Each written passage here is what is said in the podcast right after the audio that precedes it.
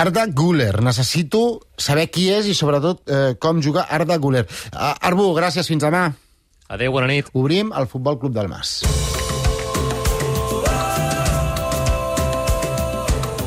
Ja no ens alimenten molles, ja volem el pa sencer. Del Mas, com estàs? Molt bé, bona nit. A veure, em pots ajudar qui és i, i sobretot, com juga Arda Guller? Ho intentarem, sí. A veure, explica't. Arda Güler és un, és un futbolista de 18 anys, un jugador d'esquerrà, esquerrà pur, esquerrà tancat, i sobretot és un jugador de molt talent entre línies. És, és un jugador de... És una tipologia de mitja punta d'aquells que, que queden poc amb molt bon contra un, amb molt bona capacitat per retallar i trobar passada i una especial habilitat per trobar aquesta última passada, aquesta passada filtrada.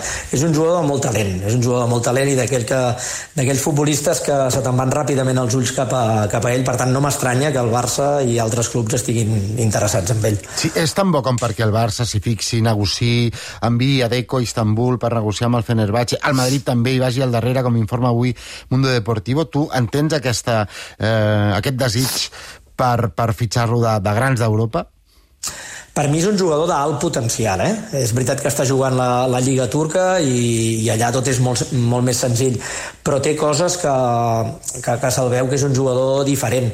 Uh, no és per perdre el cap, però sí un jugador per, per tenir interès i per... depèn de quin cos i depèn si és a un preu raonable, jo entenc aquest interès, eh? perquè és, és uh, el futbol modern, diguéssim que s'estan perdent els regatejadors i s'estan perdent els, els mitjapuntes, no? per, per, les, per les organitzacions uh, bé, de sistemes, per, per, per diverses coses, perquè s'està perdent aquesta posició. Arda Güler és un, és un mitja punta d'aquells de manual i que, que sí, que jo repeteixo, eh, jo crec que si treu a un preu raonable és un jugador per al qual apostar i ja sabem que les apostes tenen una part de risc, però és que aquest futbolista té, té alt potencial. Estaves intentant explicar-nos qui és i com juga Arda Güler. Ens havies dit 18 anys, eh, esquerrà pur, tancat, talent entre línies, que trobes mm, justificable que, que el persegueixin el Barça, el Madrid, grans clubs europeus. La posició més habitual ens l'havies descrit? No, no encara. Ell és més... Eh, ell, òbviament, juga a perfil dret, és d'aquells jugadors que li agrada tirar la diagonal cap a dins. És més interior que fals extrem, perquè ens entenguem.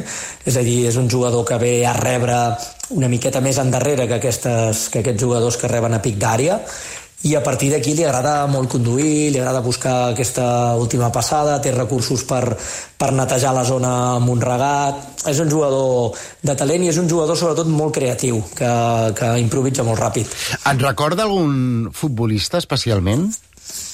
Sí, a veure, salvant les distàncies i que, i que mantengui bé la gent, eh? però a mi em recorda molt a David Silva i potser també alguna cosa de Canales. David Silva i Canales són, són jugadors esquerrans per jugar entre línies.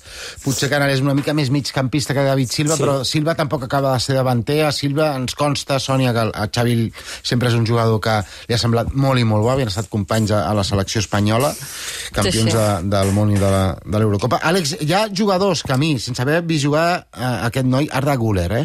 però em diuen el nom de Yusuf Demir, que va ser al Barça cedit, austríac, també d'origen turc, o Emre Mor, que va jugar al Celta, a mi m'encantava en Remor, em sembla que venia del Dortmund, però que després no han, no han acabat sent el que apuntaven. A, amb, amb aquest noi, aquest risc, potser és injust perquè, clar, tots tenen eh, origen turc i, i el, el relaciono per això, però eh, el tindríem? Home, sempre hi és. Uh, I a veure, ja saps que a mi Yusuf Demir també em va entrar per als ulls i després, res, o poca cosa. Uh, jo crec que és de bastant més nivell, o és de més nivell Arda Güler que, que aquests dos casos que, que has mencionat, no? Però amb qualsevol, amb qualsevol aposta hi ha una part de risc. En el moment actual on està el Barça, hem de, hem de pensar que el Barça només pot accedir a dos perfils de fitxatges. Un, que és el jugador experimentat i que ja arriba a la part final de la seva carrera, i l'altre, aquestes apostes, no? Jo crec que una aposta per Arda Güler, amb el nivell que jo li he vist, jo crec que un preu raonable és més que justificable. Mm.